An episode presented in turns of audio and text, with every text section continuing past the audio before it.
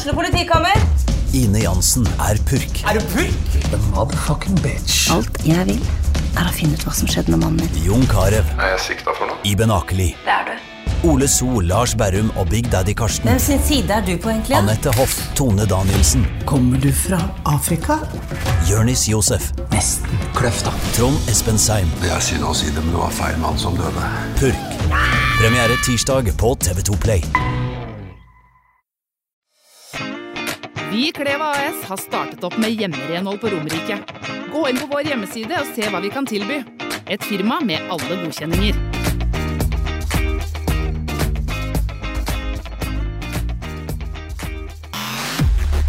Nortec Taksenter leverer alt av takprodukter til proff- og privatkunder. Fagkunnskap, service og rask levering til kunder over hele landet er våre styrker.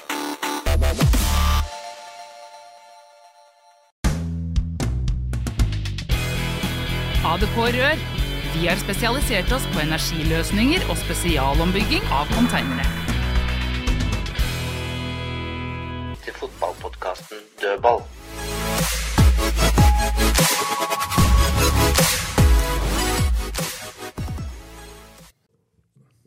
Da er vi plutselig tilbake i dødballstudio på en torsdag av alle mulige ting, og det har jo sin naturlige forklaring. Det er egentlig to grunner til at vi er her.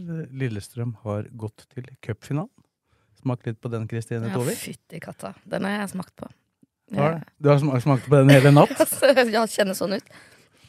Sorry. Og og så er- sånn. Ja, og så er det Derby, de to andre som er her. Det er de som pleier å være her. Tom Nordli og Fredrik eh, Larsen. Eh, og gratulerer deg da, Fredrik. For du var jo den som var klarest på at Lillestrøm kom til å vinne mot eh, Bodø og Glimt eh, i forrige pod. Ja, ja, jeg var ikke enig i at uh, Bodø-Glimt skulle være så store favoritter som folk trodde.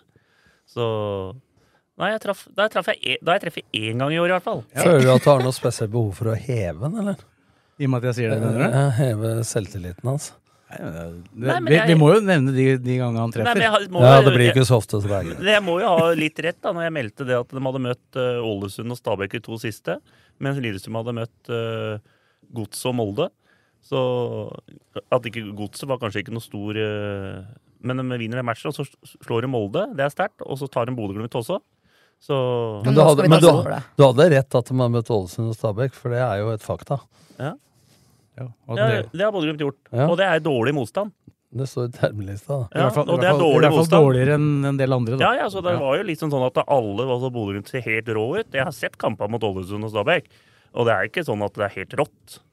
Men så har du også vært litt skeptisk til spissbare Adams Lene Olsen, da. For å ta noe føler du at du har treffet der? Nei, nei sliter jeg litt. Men eh, jeg har ikke syntes Lene Olsen har vært bra de to siste matchene nå før Molde-matchen. Nei, før Bodø-Glimt-matchen. Jeg syns ikke han var noe fryktelig god mot eh, Godset, og ikke mot uh, Molde heller. Men uh, det er greit å ha to spisser, for hvis når den ene ikke leverer, så leverer den andre i hvert fall. Ja, en av dem har jo skåra i hver kamp. men nå i siste matchen så leverte begge. Absolutt. Det var gode. Meget god match av Lene Olsen og Adams. Kanskje aller best nesten i den defensive jobben, Tom. Det, vi skal jo komme litt tilbake til det taktiske, og ikke bare prate om det emosjonelle. Men der har jeg en ting som jeg har snakka om før. Jeg tror Lene fikk kapteinspinnet. Da vokser du en liten treprosenter. Og det så du når du snakka om gjennomløp og løp hjem og sånne ting. Han var, eh, han var på i går. Fryktelig på. Mm. Det var faktisk såpass eh, Han var såpass eh, mye action med de beina sine at han fikk krampe når han skulle sette inn 2-0. det gikk ikke. Men eh, det gikk jo bra likevel. Men det taktiske her var jo sett med et fotball, fotballøyne ganske interessant, Tom. Ja, det er det beste de har gjort taktisk siden Geir og Petter kom til klubben. For jeg er ikke enig med Fredrik da, at eh, Bodø-Glimt ikke var store favoritter. Og jeg er ikke enig med dem at, heller, at de ikke var så gode i går. Men det var, var Lillestrøm som var enormt gode til å demme opp for deres suksesskriterier. Og det fotballfaglig var en interessant kamp. Så for å ikke gjøre det for vanskelig, da, men så punkt én varierte høyt og lavt press mye mer enn før, defensivt.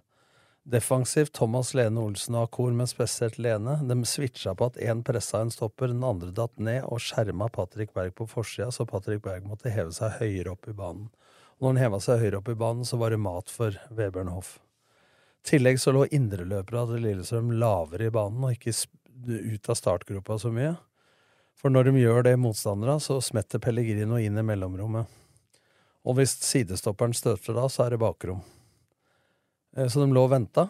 Og når de ble overspilt de få gangene, så var Espen, nei, Espen sier jeg, Vebjørn Hoff enormt å sikre. Han var riktig plassert hele tida. Altså, det er et kjempekjøp. Altså, det er det beste som har skjedd på mange år. Men dette er sagt siden han kom. Eh, Ja, det eneste du kritiserte deg sjøl for, da, var at du ikke hadde tenkt på at han Ja. burde, vært henta. Ja, for jeg tenkte ikke at det var realistisk.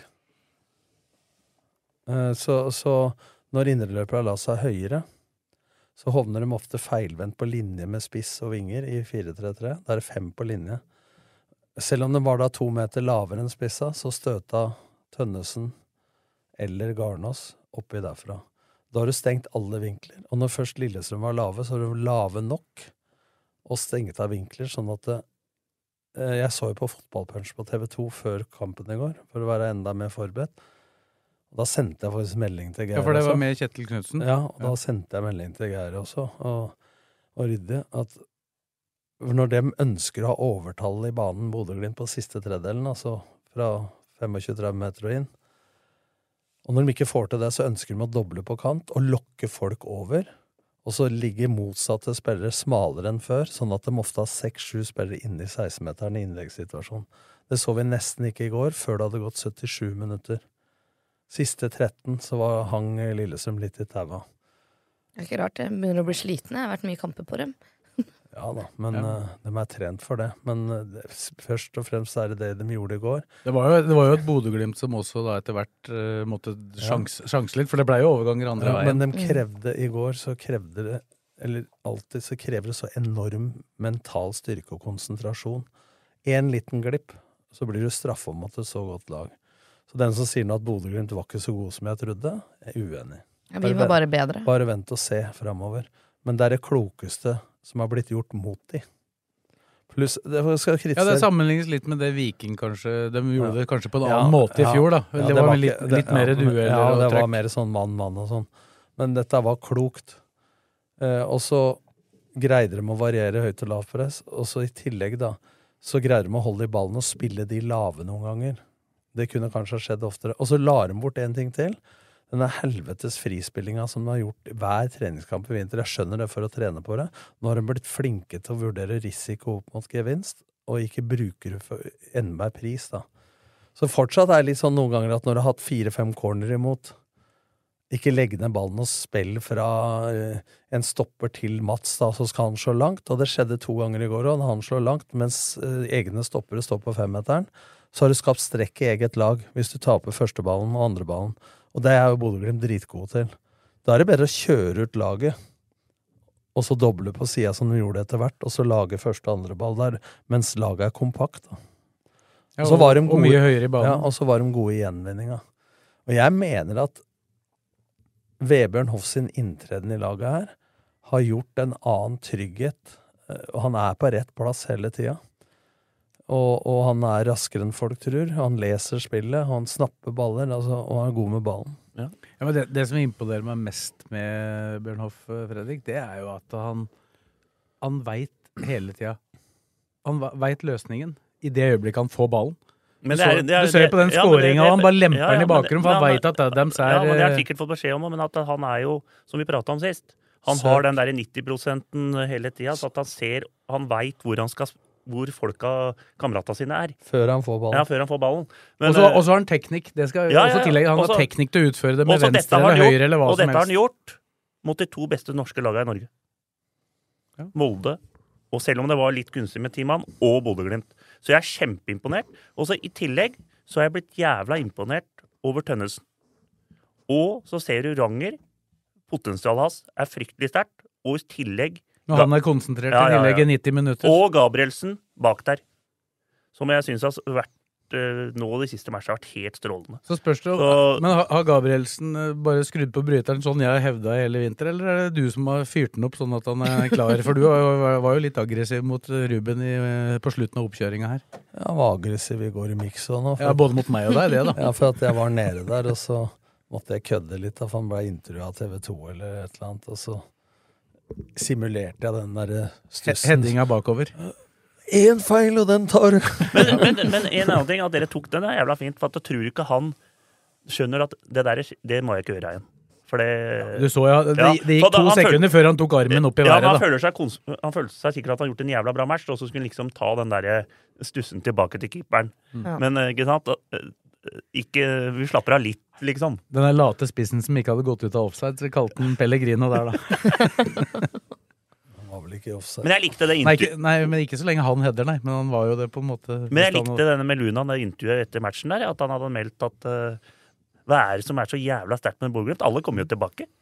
Så de kan ikke være så Men, men for å si det sånn, jeg har sett dem og fyra litt på Glimt nå, spesielt han, da. Kan jo hende at uh, du kan få smake det 7. Ja. 7. mai, når de Ja. kommer tilbake igjen. Det lønner seg å kneppe igjen noen ganger. Men de kan, de kan bli overtent òg. Nei. Det har vært eh, morsomt å møte overtente lag noen ganger, Ole. Det veit jeg du har gjort. Og det, det, du vinner som oftest da. Ja, men Hvis du tror- volk, så har rødt kort etter tre Ja, minutter, men jeg, og jeg tror ikke Bodø-Glimt gjør det.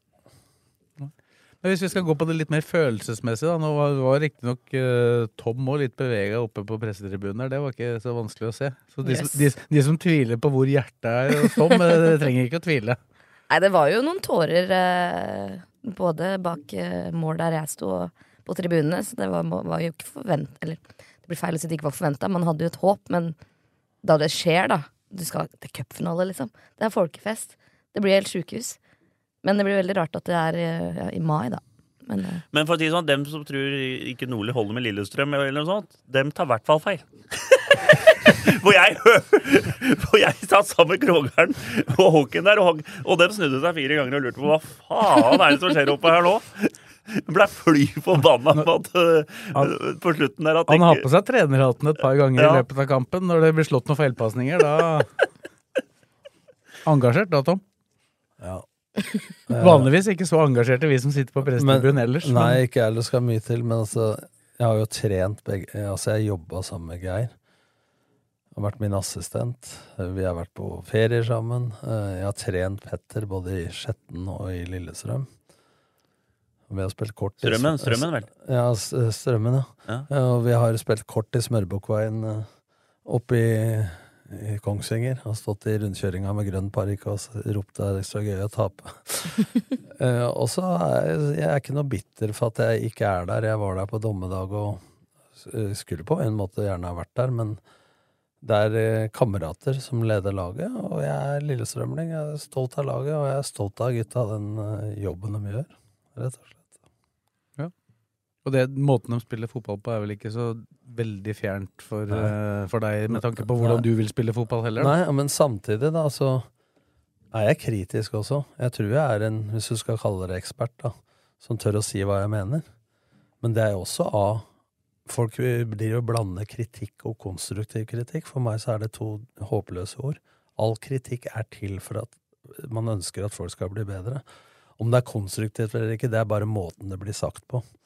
Så selv når vi er kritiske, så er det fordi at vi bryr oss. Det hadde vært verre hvis du hadde gitt faen. mm.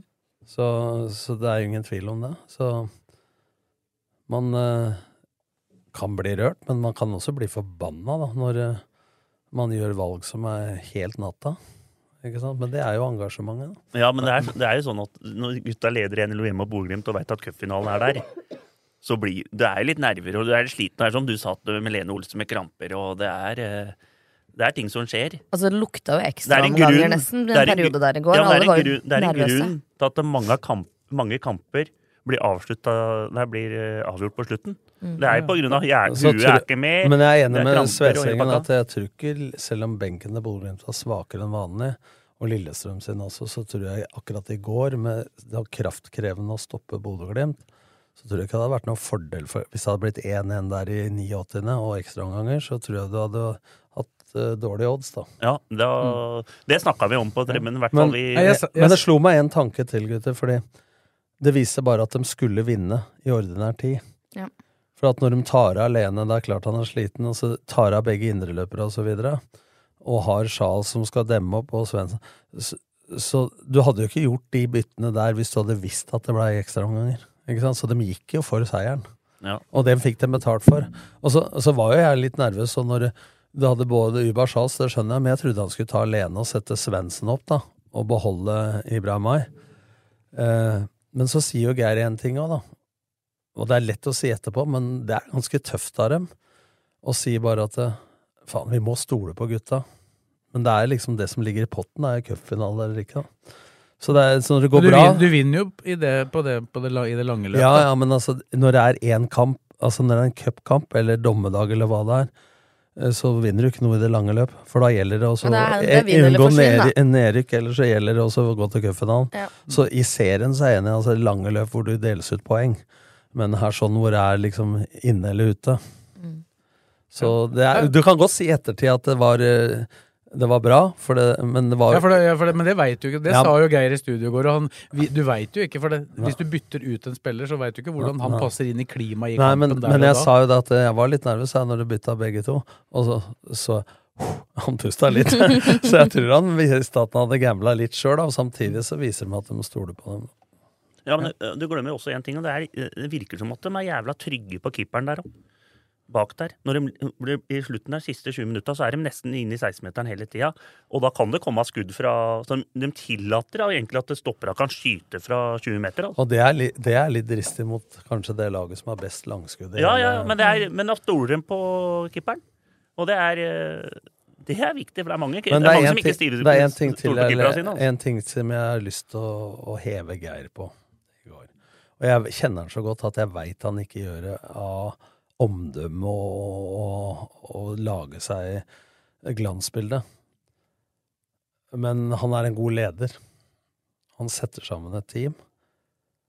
Og når du kaller det mesterverket i går, så det første han gjør, er å heve hva teamet har gjort med Sjelander og Petter og sånn inn mot kampen, og Petter med det fotballen ute for å komme med forslag til å stenge de vinklene og sånn. Det viser jo at det er et lag utafor banen, og, og det er det nye nå, hvis du får et lag til å fungere. For hvis du spoler tilbake til 2-7-2-8 Mm. jeg var der, da, eller dommedag for den saks skyld, da var det litt mer men, men teamet er så mye større, så hvis du får satt sammen teamet med komplementære ferdigheter, både personlighetsmessig og faglig, sånn at ikke alle er like, og man greier å se andres menneskers kunnskap som en ressurs og ikke en trussel, så er det like viktig som det som skjer ute på banen. Ja, det er kjempeviktig. Så- Men antall huer har ikke så mye å si hvis det ikke er kvalitet og hvis det ikke passer sammen. Nei, det sånn så, som du, sånn det som så du. vi med Martin Andresen og det svære teamet.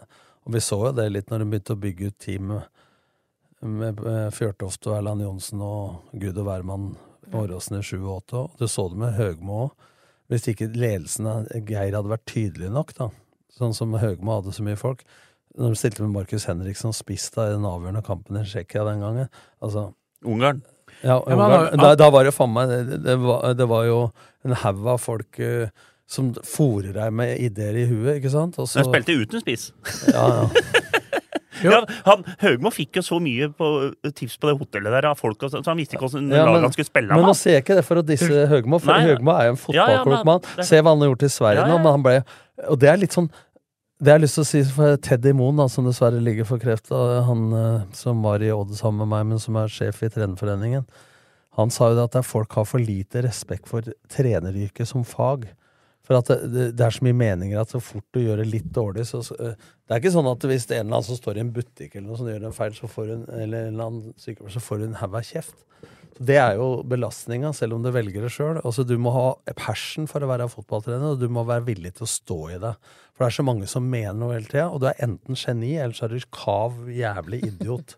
Det Ja, er det er ikke jo noe, det. Jo da, men det er ikke noe mellomleggspapir der. jeg, Altså. jeg husker jeg har et godt eksempel på akkurat det der, eh, også på landslaget. Nils Johan Semb, landslagstrener i EM i 2000. Ja, Da det had- bildet han står på alle fire. Ja da, men da hadde vi jo, da hadde vi jo fire eh, vi må kalle det klassespisser. Du hadde Solskjær som skåra i United, du hadde Flo som var fantastisk i Chelsea, du hadde Steffen Iversen som var god i Tottenham, og du hadde Carew som skulle til Valencia, ikke sant, som var kjøpt inn. Og da blei det jo liksom nærmest et sånt der folkekrav om at disse må spille alle sammen. Og da endte han jo opp med det i den siste kampen mot Slovenia. Spille med tre av dem på topp, og så hadde han Iversen som indreløper. Norge har vel ikke skapt færre målsjanser i noen fotballkamp noen nei. gang? Nei, nei, så det handler om å sette men- sammen et lag som fungerer. Ja, det handler om også. Og det føler jeg at han ble pressa til, da. Ja, men altså Jeg husker det var et bryllup en gang, jeg. Og så var jeg Pressa sånn- du bruden? Nei, men det var så, så sa da sjefen Jeg har så fin bordkavaler. Jeg er en så kjekka. Ja, men har så fine meninger. Så var jeg stille i 20 sekunder, så jeg var han enig med deg nå. Oh. Ja, men ikke sant, altså Poenget er da at eh, jeg har hatt assistenter, sånn som Geir Bakke for eksempel. Du kan godt velge dem som er enig med deg hele tida, men som pisser deg, stikker deg i ryggen når du går. Eller så kan du velge dem som tross alt utfordrer deg hele tida. Så kan det hende at de tar jobben din en dag. Eh, men hvor utviklende er ikke det, framfor å ha bare folk som er enige med deg hele tida?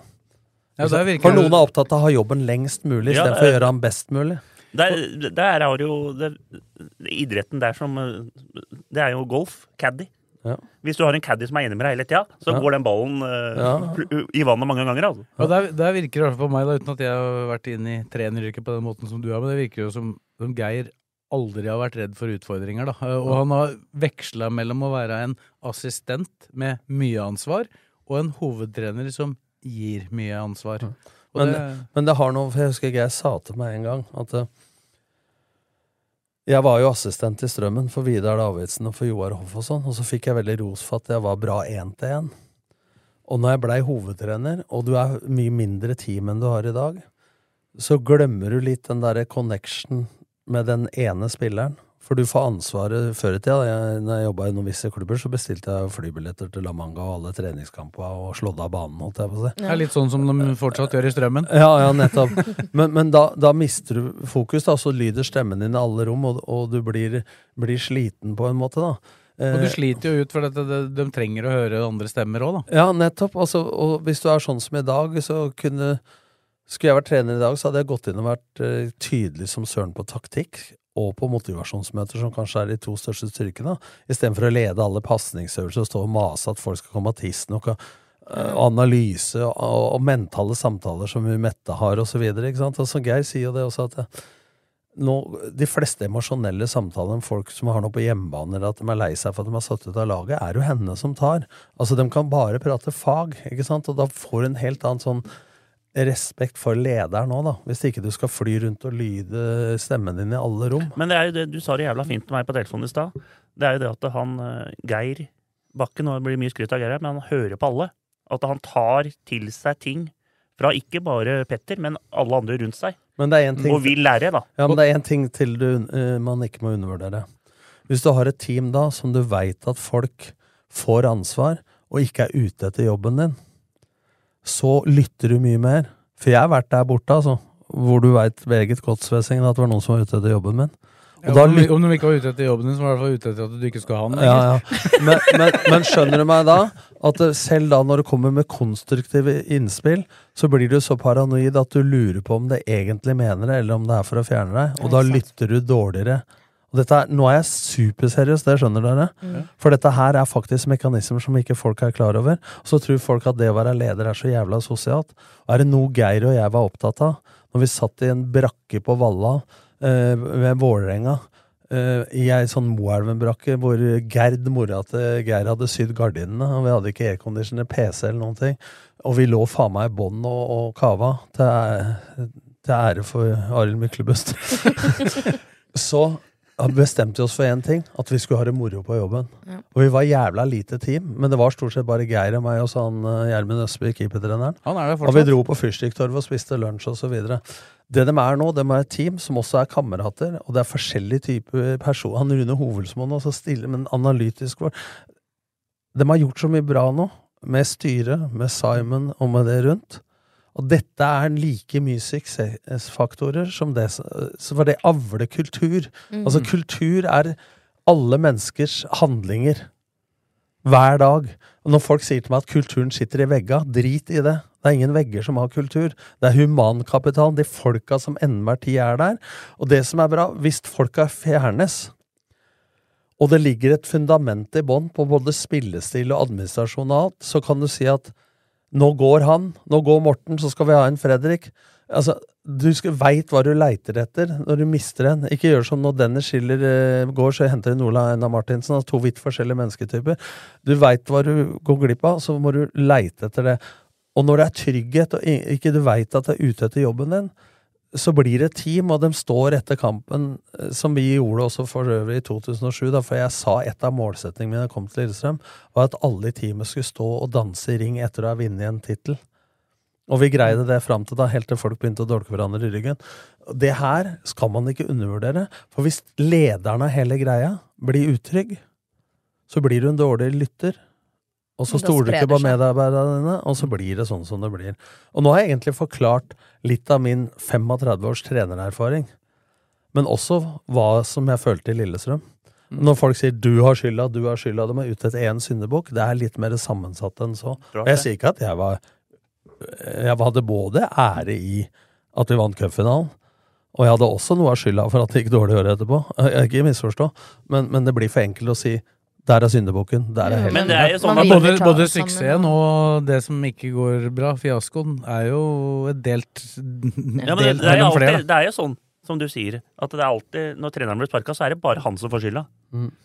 Utad. Ja, utad blir Men se, utad se det noen det. altså, det må jeg si også. For når, når jeg gikk fra Vålerenga Første Geir sa 'Jeg slutter sammen med deg'. Så sa jeg 'Jeg får ikke tilbake jobben, jeg, Geir, for det'. Bli. Ja, men det er du- lojalitet, det er kameratskap. Ja, men skal du havne på Nav, liksom? Jeg blir ikke noe lykkeligere jeg for dem jeg skal dra med meg deg, men bare at han sa det. For det fins nok av assistenter. Uh, Nei, du kan ta den tids Ja, nå. bare- Du kan la ta Conte Tottenham. Ja, Han, eh, assistenten blei. Det gikk bra. Ja, ja, men se nå. Se på Stabæk, da. For noen år siden. Ikke sant? Så kommer uh, Kjøne opp. Så er han vi altfor dårlig trent. Ja, nå skal vi forandre sånn og sånn. Så har han vært en del av teamet hele tida. Hvis du ikke har turt å si det internt da, men bare pissa Mens, folk mens Jønsson var der. ja, og så uh, sleika han opp etter ræva så fort han er ute av hagen. eh, Så skal du forandre på alt mulig. Har du vært en teamplayer da? Det er helt legitimert eh, å være uenig eh, internt og diskutere. Det skaper utvikling. Men for faen, vær lojal, da. Ikke sant? For meg så handler det om å være ekte. Altså autentisk i alle situasjoner du er. Er du forbanna, så er du forbanna. Er du glad, så er du glad. Så er du rørt, så er du rørt. Men ikke kom med noe sånn piss, altså. Og Og dette, dette her Nå blir det jævlig mye ros, men dette har de gjort ekstremt bra fra den dagen de kom inn.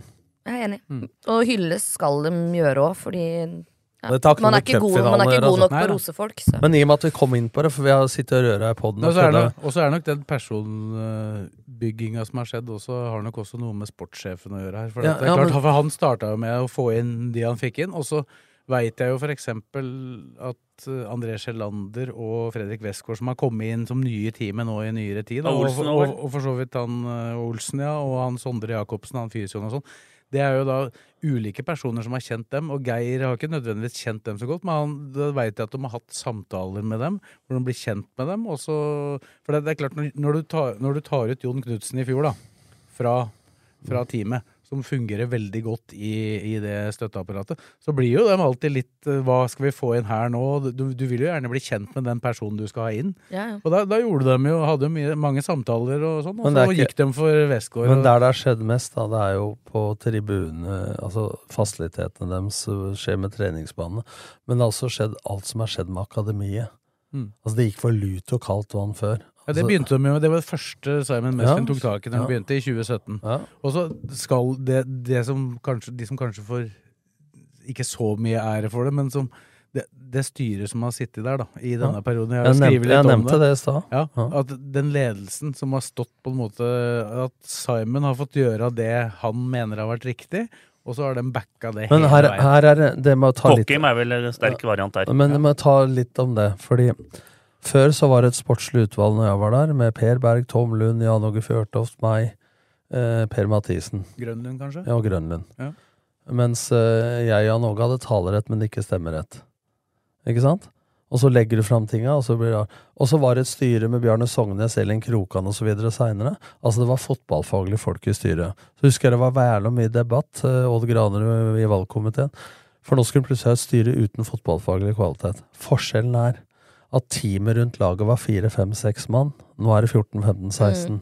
Nå har styret vett nok til å tenke at den sportslige kompetansen sitter hos Simon og hans apparat. Der tas avgjørelsene. Vi har ansatt dere for at dere skal ha ansvaret for sport. Da må vi ha enten ha tillit eller ikke tillit til dere. Så må styret ta de strategiske store beslutningene og si det har vi penger til, eller det har vi ikke penger til. Mm. Ikke sant? Istedenfor at en eller annen styremedlem som jobber i Esso, som har sett uh, x antall fotballkamper, skal mene noe om åssen du skal spille. Ja, men det gjerne, men altså i, vær varsom hvor du ytrer det. Og dette er ting jeg jeg tror ikke jeg har vært så seriøs i denne poden noen gang, men vi kom inn på det. Men poenget er at jeg prøver nå For jeg har sett det fra innsida, og jeg ser det fra uh, litt utsida. Jeg kaller det litt innsida òg. og dette er ting som ikke Ola Kari og tanta på Tveita tenker over hele tida. Du må ha vært i det for å skjønne mekanismene. Og det her øh, Og det har ikke noe med at de gikk til cupfinalen å gjøre, men vi kom inn på det. Og dette mener jeg noe av grunnmuren og reisverket på det huset som skal være stabilt i toppen i mange år. At, eh, nå har de drevet spillelogistikk og treneransettelser. Eh, de har altså sprengt høl til ny tomt hver gang de skal bygge hus, ja. istedenfor å bygge bare et, eh, bytte tak og pipe. Altså at reisverket og grunnmuren ja. står. Og nå er det, ligger et fundament i bånn, både sportslig, administrativt og alt, som er på et helt annet nivå. Og da kan de tenke neste år, ikke bare brannslokking eh, hele tida. Ja, Det har jo vært en formidabel snuoperasjon. Så tenker jo sikkert de aller fleste at dette snudde når de kom opp igjen fra Obos og sånn. Ja. Men denne snuoperasjonen den starta jo i 2017. Ja, ja. Da kom Kokke inn som styreleder, Simon Mesfin etter hvert som uh, sportssjef, og så har dette der gått gradvis. Men for å si det, dessverre for klubben da, så klarte de ikke å snu skuta fort nok til at det unngikk et nedrykk. Nei, fikk jo bare ett år på seg. Men, men så, så kom jo nedrykket og pandemien samtidig. Og det gjorde jo store omveltninger på Fotball-Norge i det hele tatt. Det var jo mange klubber som permitterte. På grunn av den Det gjorde ikke dem. Nei, og det, altså, Jeg merka det dagen etter nedrykket. Så, og da skrev jeg faktisk også en kommentar om det nå må dere ikke finne på å sparke alle folka ut her. For at det, nå er snuoperasjonen i gang. Og jeg blei ikke akkurat uh, Nei, du, jeg, fikk, jeg, jeg, fikk ikke akkurat mange likes på det dagen etter nedrykket, men det visste jeg jo. Men jeg mente at mye av den snuoperasjonen som måtte til i klubben, og som jeg hadde skrevet om i 2016 at måtte til, det hadde de faktisk gjort. Trodde, men så kom den pandemien i tillegg, og den entusiasmen som da LSK, fordi de rykka ned faktisk, Tom, uh, klarte å skape den hadde de ikke klart hvis de hadde blitt i Eliteserien. Den påstanden er jeg også, våger. Men det samla folk, uten å fjerne dem du sier. Og det så du på sponsormøtet dagen etter rykkene. Ikke sant? Ja, det var er, noe, er, det noe, ja, er det noe Lillestrøm skal ha ros for, enten det gjelder Kanarifansen, menigmann, sponsorer Når det brenner på dass, da ser du virkelig hvem som bryr seg om en klubb. Mm. Og det så du tross alt på dommedag òg. Ja. Ikke sant? Selv om ja. han var på å rive ned garderoben og skulle drepe oss alle sammen. Eh, det er følelser. Men, men poenget er at da ser du hvor mye en klubb uh, betyr for folk. Og når man med, uh, Så Lillestrøm-supportere er krevende. Og de har lyst til å pælme deg til helvete noen ganger. Men det engasjementet ville jeg ikke vært foruten. da. Men samtidig så må du ha et styre som ikke må la ha eie Altså, du må ikke gå rundt i hele Lillestrøm og vite at eh, alle liker den beslutninga du har. Du må ta ledere som står i det, som du sier, Morten, mm. når det brenner på dass. Og det mm. gjorde dem, istedenfor å begynne å skifte ut altså, Det er jo årsmøte og medlemsstyrt, men hvis man hadde kasta folk da, så hadde du begynt på samme hamsterhjulet om igjen. Ja, det har jo blitt fleipa litt med at det var bare kokken som gikk da, for han var den eneste som tok sluttpakke da. Men, ja. men, men, det var ekstremt viktig at en del av de folka som var der da, ikke gikk. Ja. Og, det, det, jeg mener det er det du ser resultatet av nå, da, over tid. At laget faktisk men det, er der Men det er. som er litt spesielt òg, jeg veit ikke om det er unikt, men vi hadde en julelunsj etter dommedag. Og da tok Robert Lauritzen ordet. Så sa han det er kanskje ikke så mange klubber hvor avgått trener Jørgen Lennarsson sitter og spiser ved siden av Nye. han nå som rykka ned, og så skal det komme inn en ny. ja, ja, men skjønner du? Ja. Altså, Tenk om jeg skulle vært bitter. da. Det er en av kompisene mine som trener laget. og Jeg hadde laget den dagen og gjorde en bra kamp, men slapp inn tre mål på fem minutter. Om jeg skulle vært bitter på dem. Sånn er bransjen. Mm. Men LSK er ja, noe unikt, da. Ja, Ja, men kan- jeg mener det er noe unikt med eh, kanskje det Geir og jeg gjorde, da. At Ja. man ikke Vi prata sammen eh, faktisk når jeg gikk inn på spillemøte før dommedagskampen. Mm. Da var han i København, da var du òg. Mm, ja. Og snakka om, og jeg visste at han var en aktuell fyr, og så videre. Altså, det er ikke noe møl, da. Nei. Det er eh, åpne kort. Og, Ja. og sånn er folk som stiller opp for hverandre når, når det brenner. Ja, det var jo, og det, det var jo litt sånn pussig, derfor det, det, det var jo noe som Det var jo redningsaksjoner nesten hvert eneste år, ikke sant. Folk har jo glemt for det at Jørgen Lennartson trente laget i 19, og det gikk eh, dårlig. Og hadde flere sentrale spillere ute hele sesongen som gjorde at det butta. Glemte jo at han redda dem i 2018. Altså, Altså, nedrykksspøkelset har Nedrykket fulgt hadde jo kommet i 2018 lenge. hvis ikke han hadde kommet inn. Ja, ja, ja. Bankers. Hvem var det 2018 var det Erlandsen som trente, da? ja. altså Hadde Erlandsen fortsatt i fire-fem kamper til, så hadde han måttet gå pga. sportslige årsaker. Det gjorde han jo ikke. Og da, da hadde de eh, ellers hadde de beholdt han da, så hadde de rykka ned. Og jeg, jeg husker jo jeg sa det at, at det, det må endre kurs der. Men det har ikke noe, det har ikke noe med Lennartson å gjøre. Nei. Nei. Eh, eh, men, men, Nei, men- det, men når jeg kom inn Men jeg påstår det, hvis de hadde ringt meg en og en halv uke før, så hadde vi greid det. Ja, ja. Det, det, Det har ikke noe med han å gjøre. Men det har bare at hvis det så for, tross alt, da Vi rykka ned. Men folk har prøvd å legge det på meg òg. Men hvis ikke folk så tross alt at det skjedde noe med det laget på åtte dager ja, det gjorde det. Men det var liksom, ser det var liksom sånn det var. har å si, Det var, sånn, Ja. det var sånn det var år etter år. Året, Ja. året før der igjen, eller i 2016, da kom jo Arne inn og, Ja. og redda det fra Rune Ja, Rune plutselig var Kristiansson. han syndebukk, og så Ja, Lennartson ja, kom og redda, så Men jeg mener jo det var måten klubben ble drevet på som gjorde at det var nesten umulig å være trener over tid. Og der skjedde det noe med det nedrykket, og Mm. med at eh, pandemien kom og fikk snudd alt. Ja, du, du, du, du, det du sier her fra 2016, så den måtte nesten skje et nedrykk her. Ja, altså, jeg, jeg, tror, jeg tror, da, jeg, jeg tror hvis, hvis du hadde berga dem, da, som var fryktelig nær, så tror jeg det hadde vært fryktelig vanskelig å få den entusiasmen og Altså, Da hadde nok en gang laget berga seg akkurat. ikke sant? Og pusta ut, liksom. det, og hadde ikke skapt, ja. det hadde ikke skapt noe engasjement, for pandemien hadde jo kommet. Men du ser da, hvis du sammenligner da med Vålerenga, Martin Andresen, jeg i 2007-2008, kontra nå det, er- Nå er det greit at det går Vi ble nummer fire da og vant cupfinalen. Ja. Altså, vi er verdensmestere i fjerdeplasser. Eh, Ja. Didrik Tønseth, Christ, Størmes Størme Steira, Ove Røsler, Arne Erlandsen, Tom Nordli, Geir Bakke. Uh, vi er blitt nummer fire. Faen skjerm meg hele tida, alle sammen. Uh, men forskjellen er jo klubben, hvordan den drives, og lojalitet kontra illojalitet internt i det laget som bygges utafor banen. ja, men nå har man også gitt Geir og Petter muligheten til å gjøre noe langsiktig her, da, og følge planen. Ja, Og det er, Det- det det jo knallbra. det er jo hele mitt poeng. Hvor hvor mange år har de, da? Man ja, forlenga nå. Altså, hadde, hadde de vært urolige i ledelsen, så kunne jo faktisk uh, Geir og Petter vært uh, trua i mange klubber etter ti serierunder i Obos. Ja, de lå på ja, ja, ja, ja. tiendeplass i Obos. Jeg skrev jo da at de ikke måtte gjøre det da òg, Ja. for jeg mente at det var på riktig vei. Det er klart jeg, Og der er jo liksom vår rolle. Men- men- Jeg veit jo at hvis jeg hadde gått hardt på da og pusha, så, og de Ja. ikke hadde vært sterke, så kunne Ja, de men sammenlign da ledelsen den gang eh, da. Ove går, fjerdeplass, tapt cupfinale. Jeg går, fjerdeplass, vinner cupfinale. Geir og Petter blir tiendeplass i Obos. Mm, Ja, var det, Er det forskjell på ledelse? Ja. Ja, jeg tror det. helt klart. Men Ja, det, klart, det- dette altså, var jo veldig det- dystert. Men nå har det fått så mye ros at jeg ble Men- men småkvalm her. Men, det- men det, er, det er sånn som du sier. Hvis pressen vil, så kan dem kan jobbe, fall sette dem kan press på. så press på at de, de tinga som eh, pressen vil skal skje, det kan skje. Ja, så derfor er vi, vi har jo en viktig Sånn sett har vi en viktig rolle, og den prøver jeg å Ja, mitt ansvar og det er enig men det er ikke alle som er. For at mange sier at det ikke er skyld på pressen. Men det er ingen tvil om at pressens makt, som du sier, Fredrik, kan, dem er premissleverandør for å, for å parkere eller sette mekanismene på agen, agendaen. Da. Ja, ikke ja. sant? Så er, men hvis du har en svak leder da, som leser sosiale medier, supporterforum, eh, og høre på folk. og For det å la være å sparke er også en handling. Ja, ja. La være å dømme offside er også en handling. Og grave opp sånne, sånne små ting som irriterer. Mm. Det er dere gode til. Men nå ble det en podd om klubbdrift. Nei, men, men dette er, men dette er viktig. Ja, men det, det snakka vi om før podden.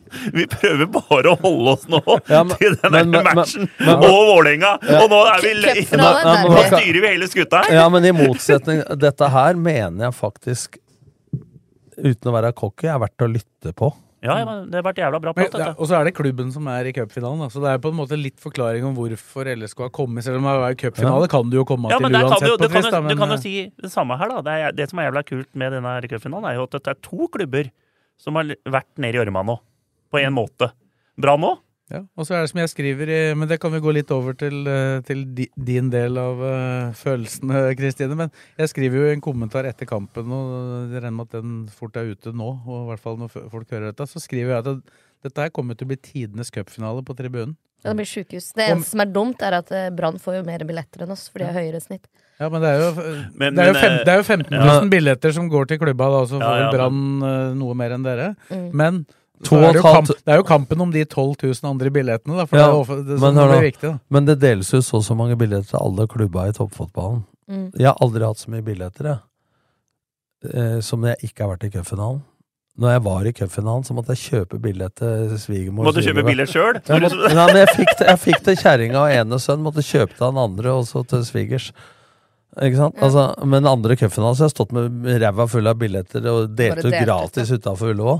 Eh, For du kan få sånne kvoter. Hvis du ringer Odd, da skal dere på cupfinale. Nei, du får seks her. Ja, det- ikke ja, for- Men ja. når det er 15 000 billetter da, som går til klubba, og så er det to og et halvt som legges ut for salg, så er det fortsatt 10 000 billetter som går til Eva Olsen og Hans Hansen i Rema og Nordea og Ja, Bama. men det er jo sånn Og de billettene sier- havner veldig ofte på supporterhender, da. Men det er jo du som sier det, det er, jo sånn, er det ikke sånn at alle klubba i Obos og Eliteserien får 100 billetter hver, eller noe sånt? Ja, det er ikke 100, men de, de får en kvote. Ja. Det er riktig. Det Men, er poen- det. men poenget er jo at du, du veit hvilken hei dette er. Det er jo kun folk i Lillestrøm og Bergen som kommer til å være Altså Bergensere kommer til å være i Oslo, og lillestrømlinger på Lillestrøm. Alle andre er jo på hytta. Eller, De var fri fra 16. mai og helt til Det- det er bare- Det var, å dra på det var en som meldte en jævla bra tweet, vet du. Det var en som meldte en tweet på Fy faen, jeg har det. Var eh, Det er bra at ikke det ble Brann Bodø-Glimt, for da hadde det vært fryktelig trøkk på den der Egon i byporten. det var fint. Det gikk jo rykter om at Bodø-Glimt hadde bestilt Rockefeller. da Jeg vet ikke om det stemte, men det måtte de kanskje for å ha et sted å være. Men en annen ting eh, eh, du, sa det, du sa det, det visste jeg ikke faktisk. At, jeg burde jo tenkt meg til det, at de har flere eh, snitt på hjemmekampene sine enn Lillestrøm. Derfor får de flere billetter. Ja, det er noe med Men når de billettene blir lagt ut, så tror jeg, jeg tror Lillestrøm får overtaket på tribunen likevel. Ja, på grunn av at eh, vi er, bor ti minutter fra Ullevål, og det er lettere for folk Og får vi VG nedre, så Eller får vi VG-singen, så er, ordner dette men det er en faktor til Sarpsborg-kampen, så vet ikke hvor mange med gult og svart det var kontra blått og hvitt, ja, men det var ganske mye. Ja, og det blir noe Men- tilsvarende her nå. Men en faktor når det gjelder cupfinalen Jeg husker Ove. eh, 2005, var det ikke det? Mot Molde, ja. ja. Da lå de på Fagerborg. Og spillere var på alt mulig rundt i Lillestrøm. Og sleit seg totalt ut før finalen. Vi hadde jo vunnet den cupfinalen på lørdagen vi i teltet da Jahn Teigen sang 'Optimist'. Altså, altså, det- spil spilte Kan, kan, jeg, kan jeg bare få, fullføre det resonnementet? Mhm. Vær så snill. De lå på Fagerborg og deltok på alt mulig. Så Jan Åge og jeg ble faktisk enige om at uh, for at andre drar til Oslo Lillestrøm er så nærme cupfinalebyen at uh, vi dro til ja, hotellet ved Kaddetangen. Det er grønne Scandic, eller hva det er for noe. Og vi hadde noen parodier, og Khaled Moelli etterligna meg, og det var ikke måte på. Vi hadde det jævla moro. Og jeg var ikke med på noe. Jeg var jo holdt som foredrag for Femtedag Fugl. Steinar Davidsen, de folka. Og liksom vi fjerna oss fra byen, da, for det blir så mye eh, På godt og vondt, da, så er både Brann og Lillestrøm-fansen så intensive at eh, du kan bruke opp jævla mye krefter det døgnet før da, på hundrevis av arrangementer som ja, alle sponsorer er med. Nå må dere komme bare en halvtime innom der og Mm. der. Ta den jubelen etter finalen. Men nå blir jo kampen spilt på lørdag òg denne gangen, da. Så det blir jo annerledes. Da får man ikke hele den helga Nei, men det er, det er noe som heter fredag. Jo jo, men når du har lada opp fredag og lørdag, da er den søndagen uh, blytom for mange, ass. Ja, men nå snakker ikke jeg om supportere, altså Nei, nei, oppladning. ikke men. Jeg men det blir jo det samme. Spillere var jo innom i cupfinaleteltet på lørdag på dagen sist også. Det er ikke lurt, da. Etter finalen? Nei, nei, i, Etter, husker du hva som skjedde da? ja, men I 2017 så bodde de jo på Thon hotell i Lillestrøm, Ja. og da var de inne på varemessa, men da var de jo ganske skjerma. Da, Ja, de var hotellet. innom en liten periode og bare Gikk på den hausa brua- opp, etter, finalen, etter finalen i 2007, da, Uh, så hadde jo Jan Åge kongepokalen inni den andre balljakka. Mm. Det var jo så mye bulker i den at det, De kalte seg avholdsmenn, men Så tok de dressjakka til Bjørn Helge Riise i teltet på Torvet og kasta ut midt under englerne av hans. Ja, og det var én edru person i det teltet, det var meg. Så jeg måtte ta mikrofonen og stoppe hele sangen og festen. For der lå lommeboka hans den gangen han brukte det, Mm. og telefonen hans. Så jeg måtte få den opp Men han fikk den jo tilbake. Ja, ja, men det hadde ikke skjedd hvis ikke jeg hadde tatt mikken. Jo da, det hadde ordna seg. Og da var det Det hadde. Eh, Da var det så mye kjør. Jeg kom inn i garderoben, jeg. Og da var det fullt kjør allerede. Og Simen Brennheim skulle jo på landslagssamling dagen etterpå. Vi Rodo sto i bussen og og sett video av det og helle konjakk rett ned i strupen på han. Ja, ja. Så når vi kom endelig på den offisielle banketten da, Vi er tross alt ferdig med kampen klokka tre, og så er det på Grang den gangen. da Mm. Og så var det teltet, og så opp på bygget til Per Berg. Og kom bort der, så jeg tror ikke Frode Grodås greide å si navnet sitt, men han spilte klokkerein, trompetsolo. Men opp, opplegget i 17 var eh, ganske nydelig. Ja, Jeg, var vet ikke hvor slitsomt det var for spillerne, men det var, Ja, men det var jo sånn foodtrucker inni varemessa der. Og ja, det var opplegget på messa, og at spillerne bodde på arena der. Og nå er det jo to hotell, da blir jo både Scandic og Arena sikkert. Men jeg eh, mener at det er suverent for supporterne. Mm. Men bare hold spillere. La dem gå innom et offisielt arrangement Ja. en halvtime, og så kom dere vekk. Ja. Men det er én mann det skal jo bare skape energi, det å Ja. suge litt, litt, litt Ja, men ikke for mye, for det verste de spillere gjør, altså spillere det er bedre å trene enn å stå og dele ut flyers på Strømmen storsenter. altså på hardt underlag. Men det var en som ikke kommer på den, eh, den varemessa nå, hvis det blir det. Det var en som var der eh, Melga, han var Nei, jo vi invitert med en Davy Vatne var der. Men han, eh, Ja, han er vel der. mer i, i Brann sin leir. eh. Ja, nei, han skal ikke til Lillestrøm da, nei. Men Melga må vi jo invitere. Med eller uten. Hamar-kamerater. Det bestemmer han helt selv. Hvem er vi i den sammenhengen der? Kan, ikke- kan ikke, Kanarifansen, klubben, kan ikke invitere folk fra Hamar som spiller på HamKam til den? Selvfølgelig kan vi det. Hvorfor det? Men, men for, å, for å ta det på en annen måte, Ja. fordi at denne cupen har vart siden uh, I fjor. I fjor. Så er det ikke var. Fjerde, ma- 4. mai i fjor. Så Og det er jo skjedd litt forandringer, så er det faktisk 28 spillere som kan uh, vinne denne cupen. Ja. Blant annet Pål André Helland, som har vunnet cupen med Hødd, vunnet cupen med Rosenborg og kan vinne med Lillestrøm. Så han kan, eh, som Løvenstad-spiller, eh, få vært med tenkte, og løfte den ene igjen. Det men jeg tenkte på én ting. Når de drev og delte ut kort i går til Lene og Tønnesen og De er nulla korta på Ja, det var det jeg, det var det jeg regna med, skjønner du, for hvis ikke så Men eh, det er jo en annen positiv ting. Det er ikke VAR i den cupfinalen, så vi ender en, enda en kamp uten. Ja, men jeg må bare si det høyt for de som trodde det, det var noe annet. Jeg så det Jeg er ikke mot det. Jeg, Jeg så det ble jeg så det ble Hvorfor er alle så mot var? Jeg synes det er Det har jeg ikke tenkt å forklare igjen. Ass. Nei. Nei, vær så snill. Nei, jeg har allerede gjort det. Jeg trenger ikke repetere meg hver pod. Men er det sånn at alle Lillesund-supportere er mot var? Nei, det er det ikke. Det er delte syn der òg, sånn som Ja. alle andre communities. Men det er over halvparten, regner jeg med, da, siden dere tar den uh... Ja, ja, vi har jo hatt medlemsmøter og sånn om det. Kanarifansen snakker på vegne av Kanarifansen. Jeg syns var er helt greit. Det er min mening.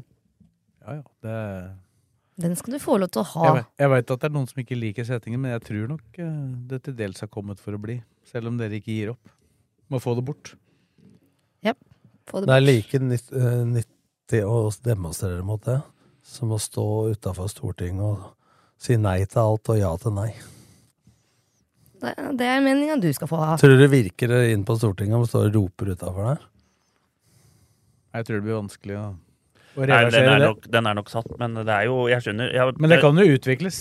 Men jeg er jo enig med Jeg har ikke noe mot den som ikke tror på det heller. Eller tror Nei, men på det, men og så eh, vil ha betyr det det. jo Og så er det viktig Det betyr jo ikke at alle feil blir borte. Det, Nei, nei, nei. Det, det gjør det ikke. Så det er jo, det er jo øyeblikket eh, Men jeg sa ikke at jeg var suveren Jeg sa ikke at jeg var suverent for VAR. Jeg er sånn 50-50. Men uh, jeg sier bare at jeg skjønner ikke poenget med å drive og demonstrere mot noe som ikke kommer til å bli forandra. Det er poenget mitt. Ja, det blir i hvert fall ikke forandra hvis alle Ja, men sitter tror- stille i båten og er enige, da. Tror du at de to supporterklaner fra Strømskos og Lillestrøm står og roper at NFF forandrer på det? det da blir de så trassige at da gjør de det i hvert fall ikke. Men men skal vi over til eh, derby, da? Ja, men bare glem det, Kristin. Det kommer ikke til å skje.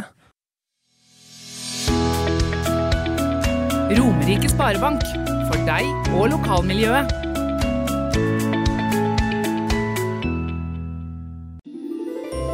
Sendingen presenteres av Rosenberg. Slaktebutikk siden 1931. Kjøtt, pølser og catering. Produsert lokalt i Lillestrøm.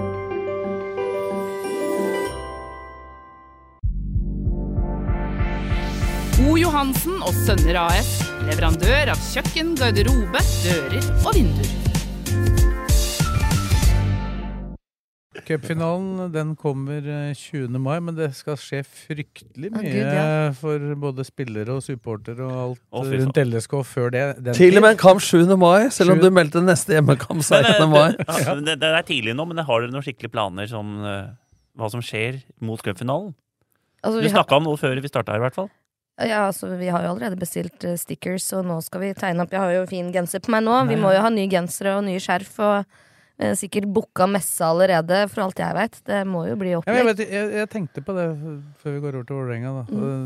At uh, det er jo litt sånn komplikasjoner med å rigge altfor mye, da, i og med at det er en 17. mai innimellom her. Ja, altså, jeg er glad jeg ikke har det ansvaret, tenker jeg.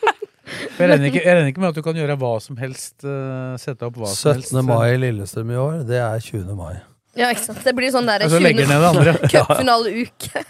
ja, nei, det blir jo ikke å rigge opp noe uh, Kan synge nasjonalsangen på Ullevål og ha med deg norsk flagg. Jo, men det er jo- det er- Men sist hadde vi det jo på messa. Da var det ikke rigging da heller. Nei, men der er det jo for eksempel Sikkert tivoli, da. På den Men når starter 17. cupfinalen? Den Starter den på samme tid kvart over ett? eller? Klokka fire. Klokka seks.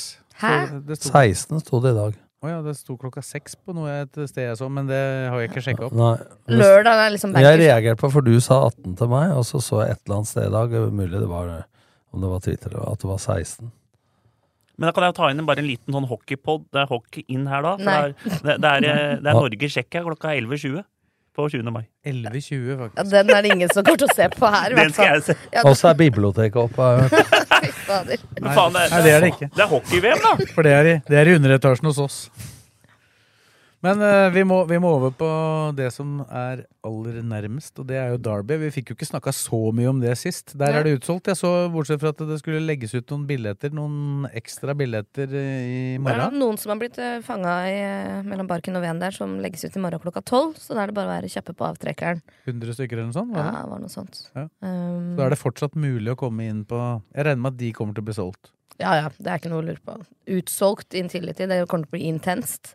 Den gule veggen skal gjenoppstå, denne gangen skal yngst- jeg være der. du som er yngst her, står det 18 eller 16 der? Det står 18. Ja, på TV2-appen så står det 18. Ja, det er den samme som vi har. Ja, Der da satte satser vi på at det er 18. Mm. Det blir 16 eller 18. Jeg tror vi får greie på det før det begynner. Kom fire, da, så rekker du. Ja, nei, det kommer jo til å bli rigga opp med busser, eh, så de som skal herfra, skal vi bare follow the crowds. Men det er noe Ja, og vi, og vi skal jo RB skal jo også sende fra foran den gule veggen, eh, Mhm. planen, på 1. mai. Ja, La oss snakke om det, for at det får hjelpe spillerne litt å legge bort cupfinalen. Og så Ja, det må vi- tenke på Ja, det, det er- tror, 1. det mai, tror jeg de har klart. uh... 1. mai, 7. mai, 16. mai skjer en del ting. Det var som jeg sa i studio i går, Tom, og til Geir òg, at uh, det fins vel Det kunne vel vært verre utfordringer enn å møte Vålerenga etter en sånn eh, utladning som det å gå til cupfinalen er. å vinne gir boost. Cupfinalen i boost. Og så går det 1. mai på mandag, mens de andre spiller lørdag og søndag. Så de får én dag Ikke med, for Vålerenga hviler jo, men de får i hvert fall en dag ekstra enn det du kunne ha fått. da Ja, og Bodø-Glimt og Brann, som spilte i går, Spiller de spiller jo faktisk på lørdag. Så det hadde jo vært eh, Fått møtt Vålerenga på lørdag nå, det hadde vært, eh, Det vært tungt. vært eh, tungt, tror jeg, fysisk. Men eh, nå, nå, vi- nå har vi skrytet så jævlig av hele Lillestrøm og rundt trenerteam, alt sammen. Og nå kan det være, komme av den kampen som folk tror nå at nå er de i cupfinalen, nå kan de dette mot Vålerenga. Jeg tror de kommer til å være kjempeklare for Vålerenga-matchen. Og jeg tror den matchen der vinner de. Jeg håper det. Men her er det ikke vinn eller forsvinn. Jeg blir, jeg blir nervøs ja, jeg blir nervøs ennå, for at når du det skal, øh, faen meg treffer to ganger på rad, da står ikke Verdal Da jinxa du Det er jo et litt såra dyr eh, de møter der, da, Tom. Ja. Så spørs det om det såra dyret er så Ja. samkjørt som Ja, men, eh, men eh, på Vålerenga nå, så Jeg syns jo at de er litt gammeldagse. At de har sjelden plan B og C. Men det er ingen tvil om at eh, mannskapet der er bra, og at de i enkeltmatcher og flere kan få ei rekke med gode prestasjoner. Man skal ikke si at det er ræva. Men eh, jeg syns de har vært lite utviklingsorientert da, og, og har eh, prestert under paret hittil.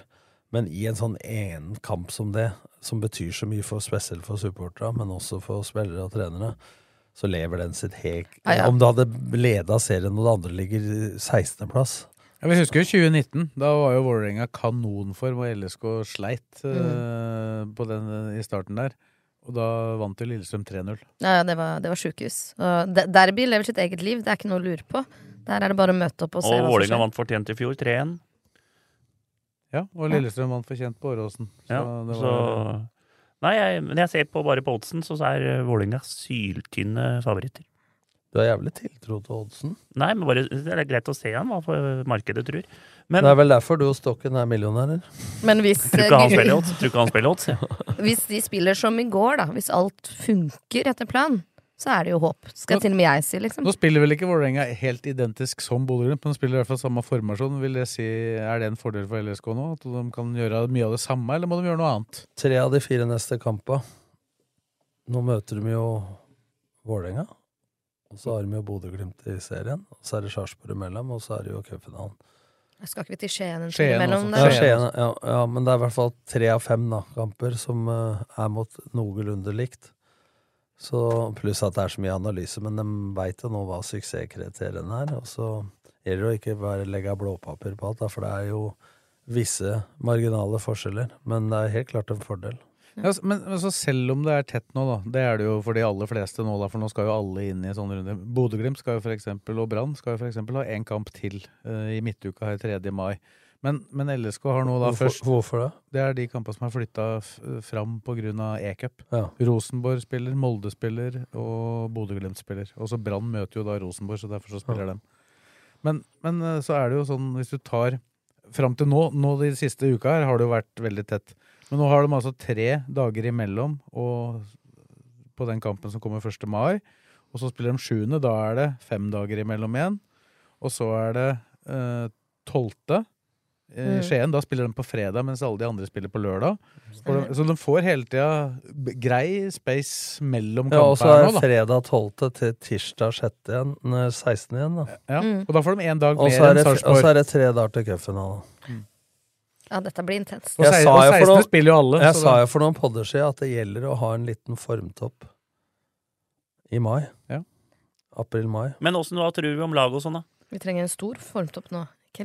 Vi må regne med at Aasen er tilbake igjen etter en liten sånn sjukdomsvariant. Ja, for han var sjuk. Ja, det var det det ble sagt. da Han gikk jo av treninga når jeg var der på dagen før. Han satt før. godt pakka inn og så Ja. ikke ut som han skulle Og da, da var ikke støtteapparatet helt sikre på hva det var. Nei. For når Gjermund Aasen går av, så går han av. Da, da, da forteller ikke han nødvendigvis hva det er for noe med en gang. Nei, okay. Men, så det var mulig at det var en starten på en sykdom, eller så var det noe greier han kjente i Det er rart han sitter på benken da, da, hvis han er sjuk.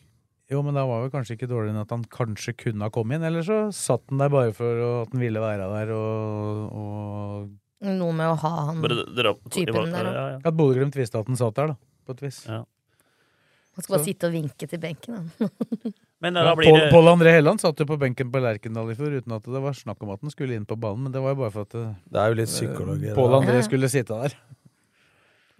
Så, Men laget så det er jo han Nei, det er det samme, vi- bare Åsen, Ås- hvis Aasen skal spille, da, så er det han Ja, å bytte med Knutsen eller Ibra da. Ja, det er jo en mulighet, selvfølgelig. Ja, Så spørs det på Roseth, men han er vel ikke tilbake i trening. Han må jo i trening først, da, i hvert fall. Og så kommer han vel kanskje ikke inn med en gang heller, i og med at Tønnesen har spilt såpass bra som han har gjort. Ja. Tønnesen har vært rå. Men nå var jo Ro- Roseth LSKs beste, da. I- Ja, han spilte seg ikke ut, han, i Stavanger. På ingen måte. Så Men det Nei, det ble Men det er jo på en måte hyggelige uh, utfordringer trenerteamet får her, da. Uh, Eskil Ed begynner jo å nærme seg, men det er jo ikke sånn at sånn Lars Ranger spiller nå, Tom. Så er det jo ikke sånn at det, en annen spiller bare spaserer inn der heller. Nei, men da må man levere på det nivået. For sånn han var før de to siste kampene, så tenkte man at det blei bytte tidligere enn mm. en man tenker eh, nå. Mm. Han har tatt eh, Han har en egen evne, da. At når folk er mest kritiske, så Man kan jo tro at han er svak oppe i pokalen, men han har jo vist det motsatte. At når han eh, får litt storm mot seg, så bretter han opp. Ja, det, for han, for meg så virker det som det handler veldig mye om konsentrasjon. Da. Ja. At uh, når han er konsentrert og Ja. får enkle oppgaver og veit Ja, hva så han skal gjelder gjøre. det gjelder litt grann sånn taktisk, syns jeg, altså ta til seg læring. Ikke gjøre de samme feila om igjen og om igjen. Nei, jeg synes den har vært Og så vil jo uh, sannsynligvis uh, nå, hvis det går greit med han, Vetle Skjærvik uh, melde seg på i å kunne spille litt I går kom jo han inn sentralt på midten som en skjerm foran tre stoppere, og han har jo spilt i et midtbane før. Han var midtbanespiller før han kom til HamKam. Han var faktisk i Lillehammer. Jeg møtte faren hans. For jeg, Morten Kristiansen var sportslig leder og keeper en gang i Kongsvinger når jeg var der. Han var keeper i Sandefjord. Eh, han henta meg inn til foredrag ved Lillehammer fotballklubb. Er jo, altså Fotballen oppi der har jo ikke akkurat eh, blomstra siden Faaberg sin storhetstid.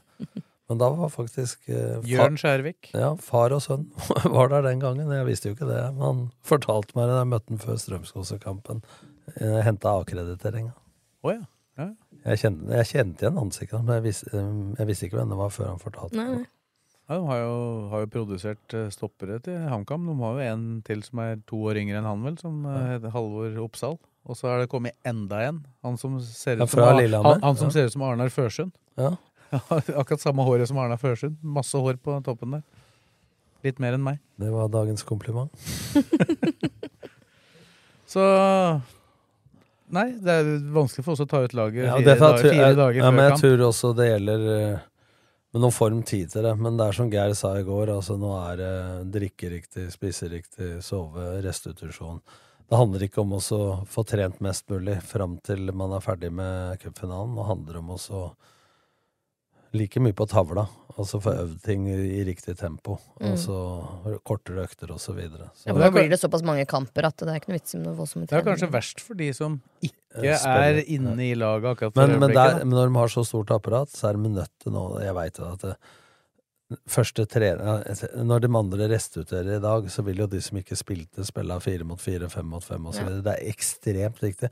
Og der sa jeg noe som alltid har vært min kjepphest også, når jeg var i eh, andre klubber.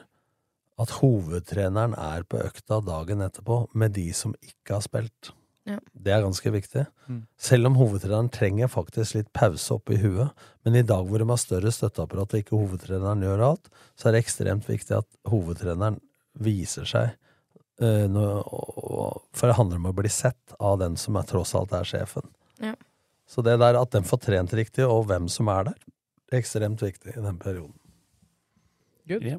Skal vi si at eh, det er eh, bra med denne ekstra cupfinale Derby-podden? Akkurat en time. Wow. Ja.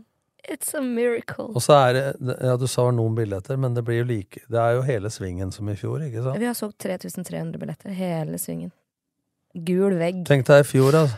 I fjor så hadde jeg akkreditering egentlig, så Mm. var det ikke nok plasser. Mhm. Jeg satt på tredje øverste rad inntil muren, så jeg så ikke Kanarifansen. Jeg måtte gå til Morten i pausa på midten og titte åssen det var. Ja, ja. At jeg ikke satt hjemme og Men, så i den, stedet. men den timen før den kampen i fjor, med de to Vi, vi gikk jo ut og satte oss på pressebenka når det var en time igjen, bare for å få med oss den stemningen. Ja, men det var sjukt. Nå var jo jeg hjemme under dyna på sofaen og gråt fordi jeg ikke var der. Men jeg fikk jo bilder, jeg fikk filmer um, av de andre som sto nede og filma. Nei, det var sjukt. Så i år altså i år så må dere drepe meg hvis jeg ikke skal dukke opp på Inntil til, liksom. Det skal vi få til. Og så er det muligheter for at vi skal stå foran der òg, da, Tom. Ja, når får vi svar på dette? Nei, ja, det, jeg tror det er i orden. Ja. Så håper at det Men den går- kampen går klokka Den går klokka seks. Den går klokka seks. Og hvis du mangler en gul T-skjorte, så selges det på Intility før matchen. Det selges på Martins. Jeg er vel der fra ett, tenker jeg. Og så selges det i shoppen. Og shoppe. Det blir vel litt feil hvis Svese og jeg står i gul går det vel T-skjorte. eh, Vi og så går det vel busser fra Martins og rett går langs utenfor, messa. Rett utafor uh, Det kommer også til å bli RB-sending ja, fra Martin men det blir liksom fl- i timene før. blir kjørt som i fjor, og så rett dem, bak eh, veggen der. Altså, ja, bussbillettene, det salget stenges vel i morgen eller i dag. Så hvis det er noen som ikke har sikra seg gratisbillett til buss, så er det på tide å få ut fingeren. For det er gratis for Kanarifansens medlemmer og koster 100 for ikke-medlemmer. Ja, blir det noen busser, da? Det blir mange busser. Lurer på om det var 17 eller 18 i fjor, jeg. Så det blir noen busser. Ja, helt klart. Good. Takk for uh, frammøtet på kort varsel. Ja, det kan du si. Kristine, Tom og Fredrik. Og så takker vi deg som eh, hørte på. Og så er vi tilbake igjen etter Derby i neste uke. Ukens annonsør er HelloFresh. HelloFresh er verdens ledende matkasseleverandør og kan være redningen i en travel hverdag. Mange av oss har nok vandret i butikken både sultne og uten en plan for middagen, som ender med at vi går for de samme kjedelige rettene gang på gang. Middag burde være dagens høydepunkt. Som HelloFresh kan du nå velge mellom 25 ulike retter hver eneste uke, eller få HelloFresh til å sette sammen menyen for deg. Dette gir deg muligheten til å prøve nye og spennende retter alene eller sammen med familien. Du velger antall porsjoner og får alt levert på døren på et tidspunkt som passer for deg. Oppskriftene er enkle, og maten er lett å lage både for store og for små. Ved å få alt levert hjem får du også mer tid til å dele matgleden med familie og venner. Kanskje det frister med asiatiske tacos eller greskinspirert kylling? Da kan jeg anbefale deg om å gå inn på hellofresh.no. Her kan du bruke koden FOTBALL og få opptil 1779 kroner i rabatt på de første fem matkastene hvis du ikke har prøvd Hello Fresh tidligere. Du kan også bruke rabatten hvis du har vært kunde og stoppet abonnementet ditt for tolv måneder siden eller lengre. Gå inn på hellofresh.no og bruk koden FOTBALL. Har du et enkeltpersonforetak eller en liten bedrift? Da er du sikkert lei av å høre meg snakke om hvor enkelt det er med kvitteringer og bilag i fiken, så vi eh, gir oss her, vi. Fordi vi liker enkelt. Fiken superenkelt regnskap.